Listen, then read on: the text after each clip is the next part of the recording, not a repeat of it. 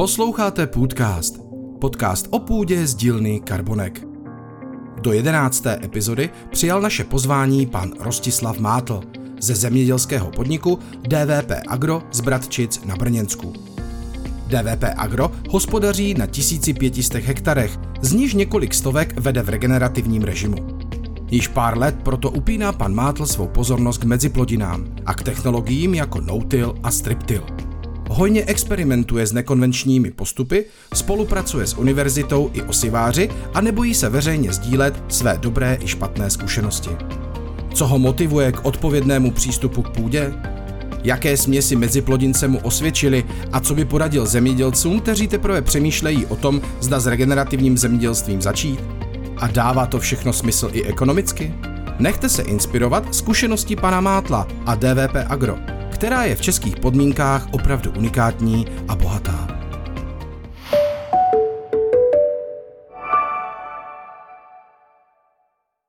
Dobrý den, já jsem Václav Kurel. Vítám vás u dalšího dílu podcastu projektu Carbonek, ve kterém se snažíme o návrat života a uhlíku do půdy tím, že propagujeme regenerativní principy zemědělství. Dnes jsme přijeli do Bratčic u Brna, do zemědělského podniku DVP Agro, abychom si popovídali s panem Rostislavem Mátlem. Dobrý den. Dobrý den. Pan Mátl je předsedou představenstva akciové společnosti DVP Agro, která hospodaří na 1500 hektarech zemědělské půdy. Sami o sobě říkají, že jejich hlavní prioritou je zdravá půda a zadržení vody v krajině. Proto hodně pěstují meziplodiny, zakládají biopásy a mnoho dalšího. Pane Mátle, mohl byste nám prosím na úvod detailněji popsat e, vaši produkci? Eh, tak jsme vlastně eh, taková soustava firm, která, která děláme většinu v konvenci, teda 150 hektarů v ekologii.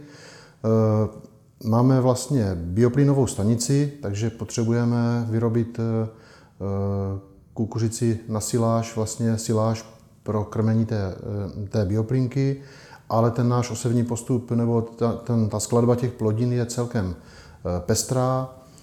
Eh, od pšenice přes mák ozimej, eh, cukrovku, slunečnice, řepka, čirok jsme měli letos, teď nějaký množitelský porosty, světlice barvířská, peluška, bob jarní jsme dělali, svazenka, vlastně množili jsme jak svazenku vratičolistou, tak i zloučenou, jetel inkarnát, jako je ten lachový, takže se jako kdyby bavíme různýma plodinama tak, aby jsme měli zkušenosti nějaké, aby jsme sbírali a zároveň i aby jsme si vlastně jednotlivé komponenty do těch meziplodin některých jako kdyby vypěstovali. Eh, jo, ty naše směsky jsou celkem eh, pestrý, 14 komponent měla letos. Jo, jako kdyby základní dvě směsi si objednáváme, ale jednu směs takového toho, co máme doma, jo, nebo třeba i použitelný odpad eh, z čističky, která, který se vlastně normálně nezužitkuje, tak my ho zužitkujeme tím, že ho namícháme do té směsi. A... Mm. A ještě eh, můžete nám charakterizovat eh, tady vaši oblast? Eh, jaká je tady nadmorská výška, jaké jsou úhrny srážek? Tady je nadmorská výška kolem 190 metrů nad mořem. Je to taková teplá oblast, ale těch srážek tady není moc. Průměr srážek tady je nějakých 490 mm. Eh, třeba letos do dnešního dne eh, v Bračicích eh, padlo nějakých 300 mm od začátku roku, což je jako celkem jako málo. To jaro letošní bylo takový dramatický, bylo to, bylo to suchý. Pan Kurel chtěl natočit tady ten podcast dřív, ale já jsem na to neměl nervy, protože jsem byl zrovna, zrovna v úzovkách na Lexaurinu, že vůbec nepršelo, takže jsem Taky chtěl jsem, až... až jsem držel palce, jo, jo, aby zapršelo a pak na konci srpna nakonec nějaký ty jo, jo. strážky přišly. Že? Jo, děkujem, že jste držel palce. Ono většinou eh, po zasetí těch řepek tady něco padne, takže jako ten, ten osmý měsíc byl tady takový vláhově nejpříznivější asi a opakuje se to celkem jako pravidelně. Takže po zasetí mezi plodin, po zasetí řepky většinou tady něco spadne, takže zaplať pámbu teda, že to tak bylo i letos. No. Jak mluvíte o těch meziplodinách, to je často poměrně komplikovaná věc, správně zasít a terminovat meziplodiny. Jaká je ta vaše zkušenost? Jak, jak to funguje? Daří se vám to? Eh, musím zaklepat, že se nám to daří, i když jako každý rok se vždycky nějaká plocha eh, vydaří míň nebo víc, eh, jo, buď tam jsou víc plevele nebo prostě horší vzcházivost, ale letos nám ta meziplodina celkem vzešla všude pěkně. Možná ve Vranovicích tam, tam trošku nám tam do toho zasáhly plevele, který, který jsme museli Eh, mulčovačem trošku přibrzdit eh, tak, aby ta meziplodina mohla dál fungovat. Jo, takže ono je to taková, taková škola.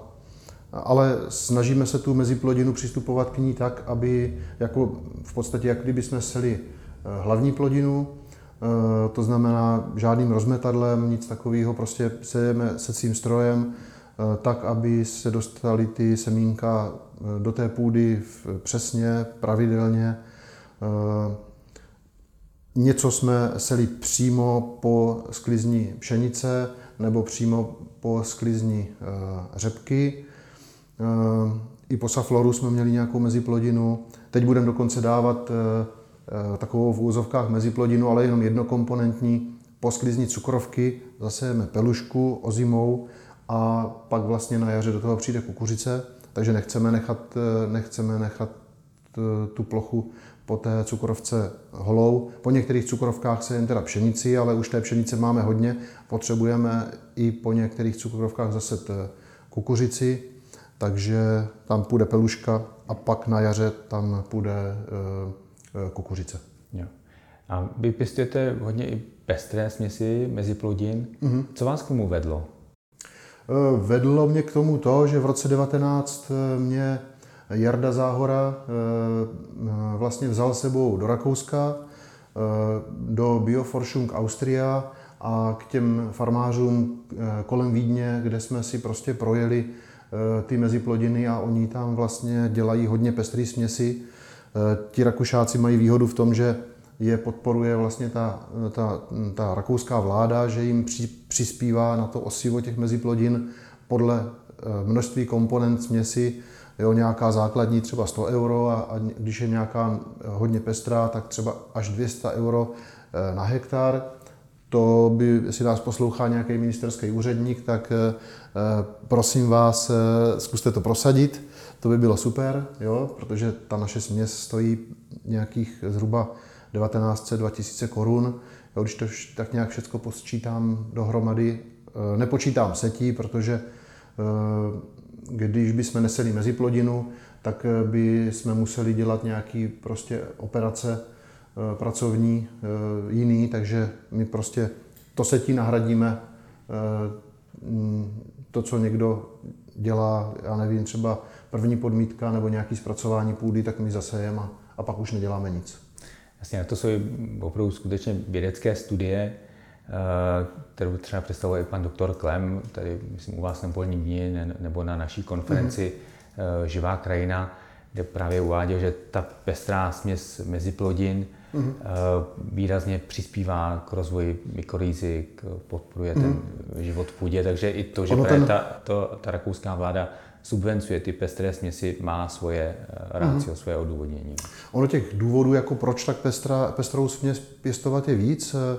Eh, vlastně jeden z těch důvodů je, že vždycky tu, eh, tu meziplodinu sejete vlastně v, jiný, v jiných podmínkách. Jednou je sucho, po druhé je mokro, eh, jo, nebo prostě, nebo zůstává v té půdě víc dusíku, nebo je tam naopak zase málo dusíku. A ta meziplodina, nová směs, tam jsou takové zásady, že by, tam, že by měla být poskládaná ze třech druhů.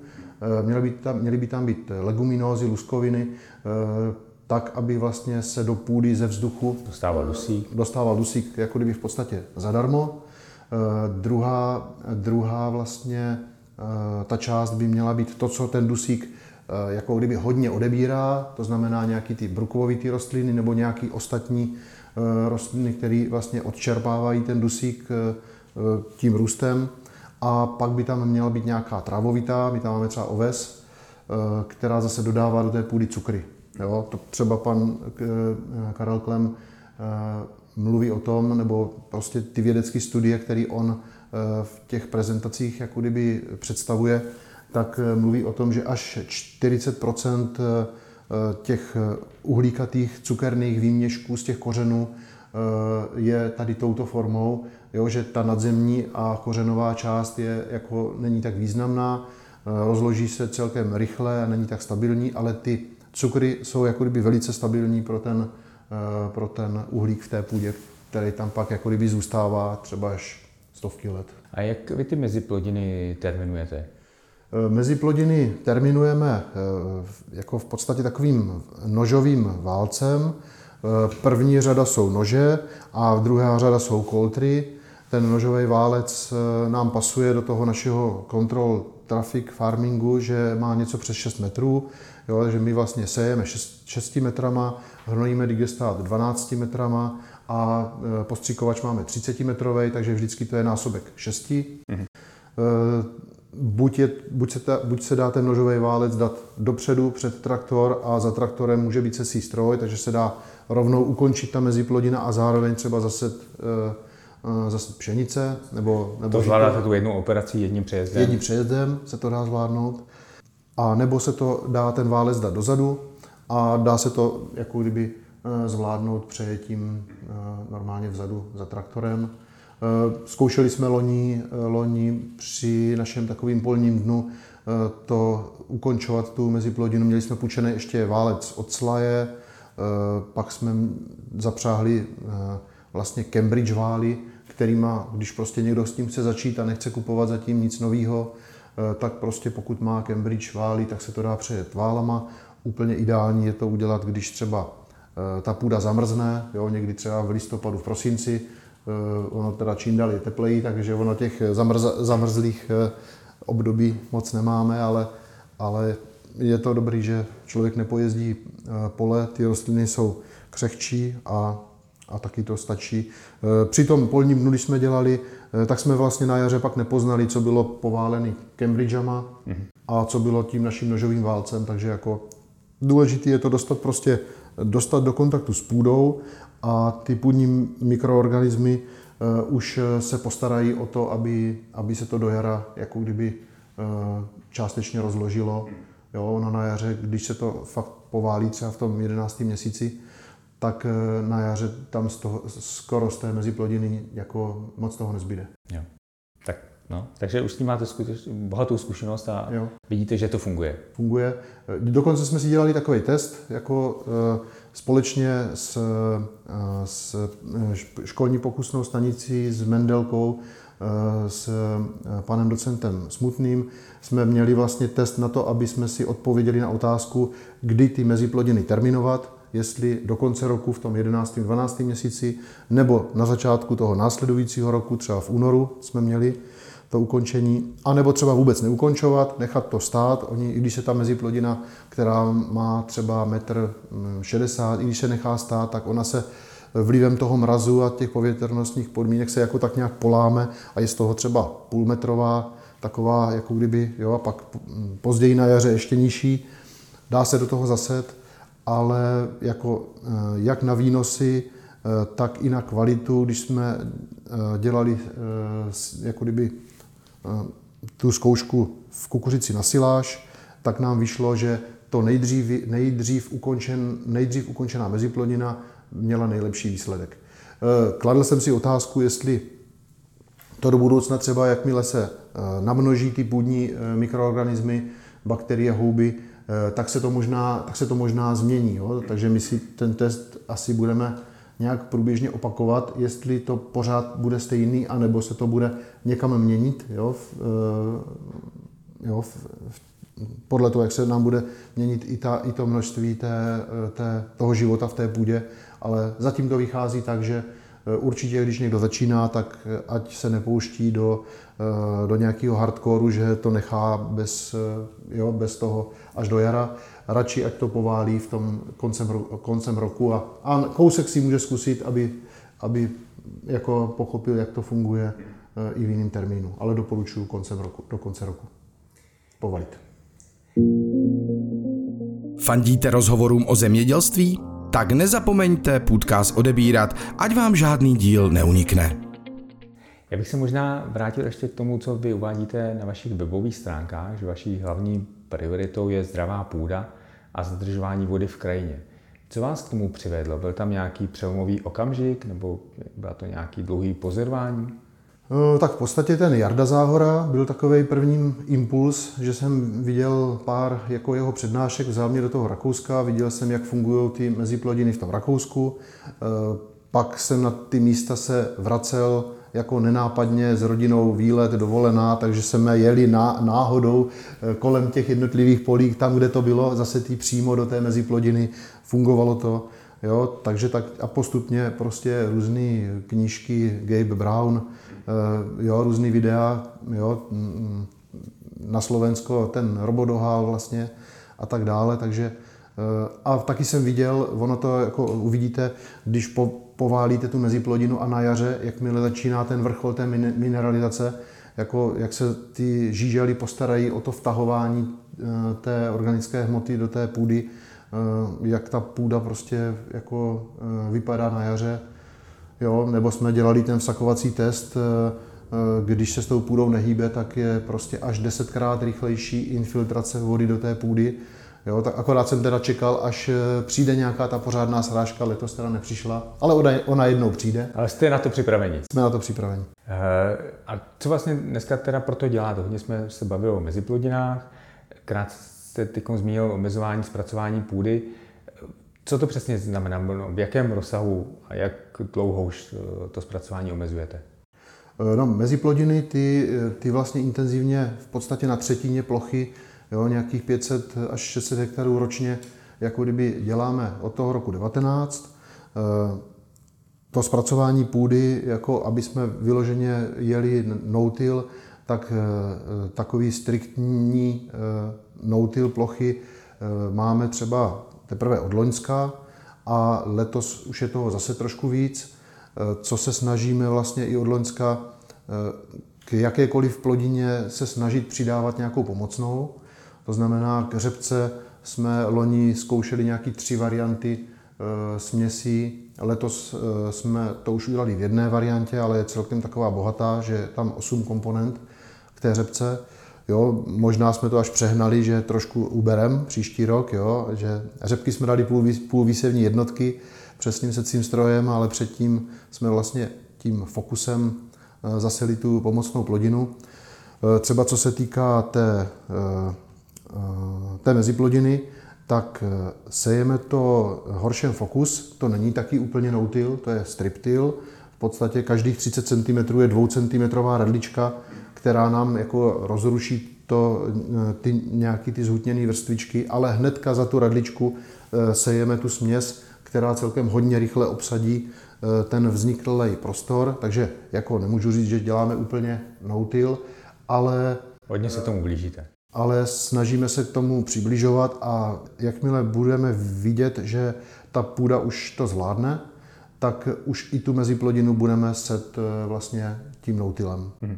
Jo? Takže vlastně v podstatě že jo, pšenici zasejem bez zpracování, po pšenici, eh, po pšenici zasejem mezi plodinu tím striptilem, ale ta zůstane až do jara a na jaře už no-till eh, sejeme, sejeme kukuřici například. A jak to máte se spotřebou eh, hnojiv a prostředků na ochranu rostlin? Daří se vám je snižovat? Daří. Eh, letos jsme v podstatě objednali eh, na celou tu plochu akorát jednu cisternu, já nevím, 25 tun vlastně rozpuštěné močoviny v vodě, jo, nějaká jako 18% močovinu. A na celou tu plochu těch 1500 hektarů? Jo, jo, ale použili jsme ji teda na nějakou menší plochu, jako, na, jako kvalitativní hnojení do pšenice, ale v, jako kdyby pro další sezónu už neplánuju objednat nic. Jo, jako žádný průmyslový hnojivo. My tady máme poměrně dost eh, toho digestátu, takže se snažíme pracovat s tím digestátem eh, a pak vlastně dávat jako pomocnou plodinu třeba do pšenic. Letos sejeme ozimou pelušku, eh, která by měla taky nafixovat nějaký dusík jako kdyby zadarmo a podpořit tu mykorýzu. A jak vám to celkově vychází ekonomicky, obzvlášť ještě v dnešní době, kdy výrazně rostou ceny Eh, hnojiv, eh, nafty. Eh, nevím, jak vy jste na tom vlastně vůbec s výnosy v tom regenerativním zemědělství, jak, jak, jak vám to vychází? Mhm. No, my jsme s tím regenerativním zemědělstvím jako kdyby na začátku, ale loni byl nadprůměrně vláhový rok, tam jsme v těch no plochách měli kolem, kolem 50 tun kukuřice na siláž, což si myslím, že je super. Pšenice třeba loni kolem 7 tun. Letos ten průměr byl ale daleko nižší, protože to jaro bylo suší, takže průměr byl 4,5, ale třeba ve Vranovicích, kde cítím, že ty půdy jsou eh, v nejhorším stavu, protože je tam, jsou tam takový eh, slé, slévavý písčitý půdy, eh, kde prostě nedělali jsme si rozbor teda na COX, nebo dělali, ale úplně, úplně mu nevěřím, protože ta metodika je trošku jinačí, když nám tam celkem vysoké čísla, ale e, budeme mít možnost si to ověřit tady ve spolupráci s Carbonekem, že uvažujeme o nějakým startu spolupráce, jakmile projdeme smlouvy a, a vyladíme to, tak bych asi rád. No, tak uvidíme, jestli to stihneme ještě letos na podzim, nebo příští rok na jaře, ale určitě to jo, jo. pro vás všechno naměříme. Takže tam v těch Vranovicích, abych to končil tu myšlenku, tak vlastně tam ty eh, výnosy byly nízký, ale tady třeba eh, eh, Rajhrad, Sirovice, tady to vycházelo prostě třeba noutil zase ta pšenice po kukuřici na zrno nějakých 6-7 tun, jo, přibližně dala taky a zpracování půdy tam nebylo, takže si myslím, že to fungovat musí.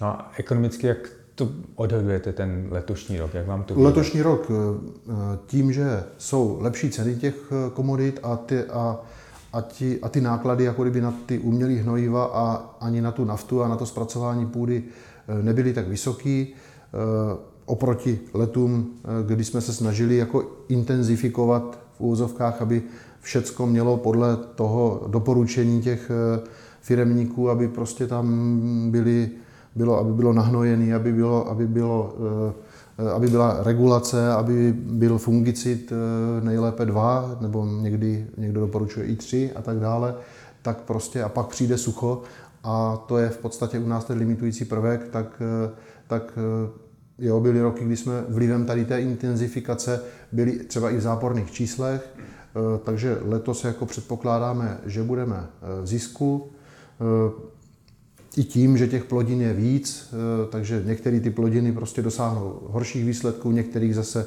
nadprůměrných výsledků podle toho průběhu roku a tak dále. Eh, takže Jasně, takže snižujete náklady, snižujete náklady, diverzifikujete svoje jako portfolio eh, produkce, tím zase snižujete nějaký riziko propadu výnosů a, a výrazně vlastně snižujete náklady, jste odolnější případně pro ty další sezóny, nebo si budujete tu odolnost pro ty další mm. sezóny, eh, pro nějaké sucho, kdyby zase opět přišlo. Jo, jo. Jako oni zase třeba byli i zvýšený náklady, protože tím, že jsme zkoušeli zase třeba eh, slunečnici noutilem celkem do velké plochy, tak někde se to podařilo, ale někde jsme museli eh, v podstatě říct, no tak na tato půda na to zatím ještě nemá, tak eh, jo, náhradní plodina rok, jo, takže vlastně zase se třeba platí dvakrát osivo, dvakrát setí a tak dále, ale to je prostě cesta. No. A jak eh, vlastně vám to vychází ekonomicky s, s těmi pomocnými plodinami? Jsou pro vás drahé? Je to pro vás, máte to jako velký náklad? E, jako úplně jsem to nepočítal. On se výpočtama se zabýval vlastně e, pan, pan Filip ze Sufle, Eh, jo, protože oni vlastně, ty pomocné plodiny v té řepce, je tam, je tam vlastně eh, bob, vikev, čočka, jetel, to jsou leguminózy, které zase dodají, eh, dodají v podstatě dusík zadarmo a věřím tomu, že ta mykorýza mezi těma plodinama vlastně i funguje, protože když jsme potom v tomto roce vytrhávali ten suchý bob, tak bylo to takovýma vlákínkama provrtaný, ale nevím, jestli to jsou mykorizní houby, odborníci říkají, že bychom neviděli. Někteří pod mikroskopem tvrdí, že to jsou svazky mykorizních, ale i kdyby to byly jiný houby, tak zaplať pámu za ty dary. Jo? A i kdyby to byly nějaký mikrovlásečnice kořínku, tak taky je to důkaz toho, že e, vlastně e, z toho nafixovaného dusíku toho bobu e, ta rostlina jako funguje. A jaké jsou vaše plány do budoucna? No, naše plány do budoucna jsou vlastně pořád se posouvat dál v tom, v tom aby jsme dokázali těch plodin set vlastně víc dohromady, aby ta spolupráce víc fungovala pak se možná nastudovat něco o tom intercroppingu a nějaký, nějakým štafetovým intercroppingu.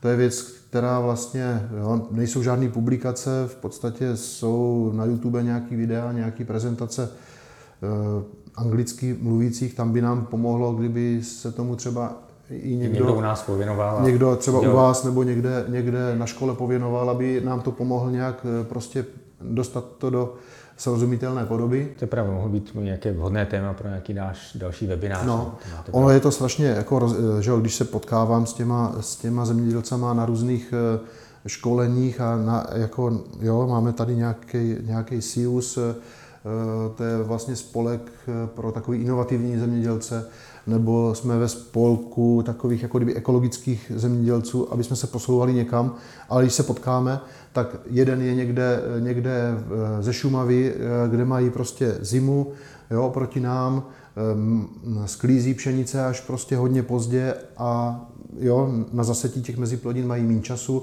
zase mají výhodu, že mají hodně vody, Jo, takže vždycky to je o tom, že každý má něco jiného. Někdo má živočišnou, někdo má bioplínku, eh, někdo nemá nic, tak zase má, zase má víc času, nepotřebuje eh, rozmetat hnůj nebo vyvážet To je skutečně hodně individuální, záleží na tom lokálním kontextu no, no, no, přesně každého, každého podniku a, a jejich jako vlastně portfolia té, no. té produkce toho, toho zázemí. Takže když si vyměňujeme to... zkušenosti, tak je to takový, jako že eh, každý to má fakt trošku jinak. No? A kdybyste to měl říct obecně, třeba co byste poradil uh, zemědělcům, kteří chtějí začít s regenerativním způsobem hospodaření? Ať začnou. A jak? Jaký by měl být ten první, druhý, třetí krok? Tak eh, hlavně, jako myslím si, že hodně důležitý jsou ty meziplodiny, jo? takže prostě nenechat tu půdu holou, Eh, hned po sklizni té eh, hlavní plodiny zase tu meziplodinu.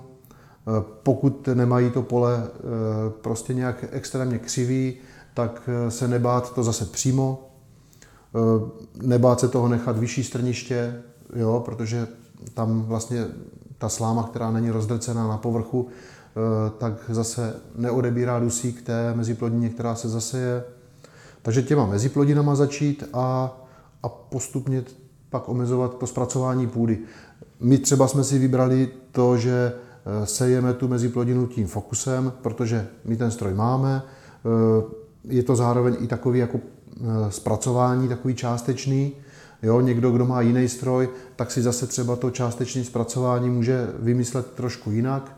Jo, nějakým třeba striptilem, třeba předsetím té kukuřice, nebo jo, aby aby vlastně, pokud je zvyklý někdo prostě orat, eh, tak úplně ze dne na den hnedka eh, přestat zpracovávat, je to taky možnost, ale zase, aby, aby ty eh, prudký poklesy výnosů, aby ho nezahubili, protože že jo, musí nějakým způsobem ten, ten farmář fungovat, takže, takže buď to zkoušet na části plochy, anebo jet takovým postupným způsobem, že to neomezí to zpracování jako kdyby úplně na nulu ale buď ten striptil přísetí mezi plodiny, nebo ten striptil před setím té jařiny, eh, jo, nějak to tak si poskládat podle toho, co má za stroje a, a jak ta půda vypadá a tak dále. No.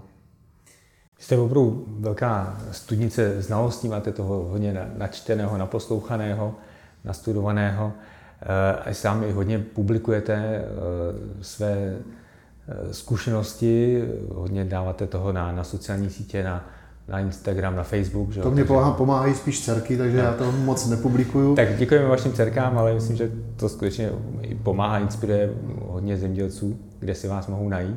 No spíš možná jako uh, ono uh, spíš je to jako větší odvaha než, uh, jo, než ta zkušenost, že prostě je to, je to i když uh, nám někdo říká tohle neskoušej, to nebude fungovat, tak si to stejně zkusíme, protože že jo, člověk se nejlíp poučí ze zkušeností vlastních, ale jenom mistři se dokážou poučit z cizích, to my nejsme teda.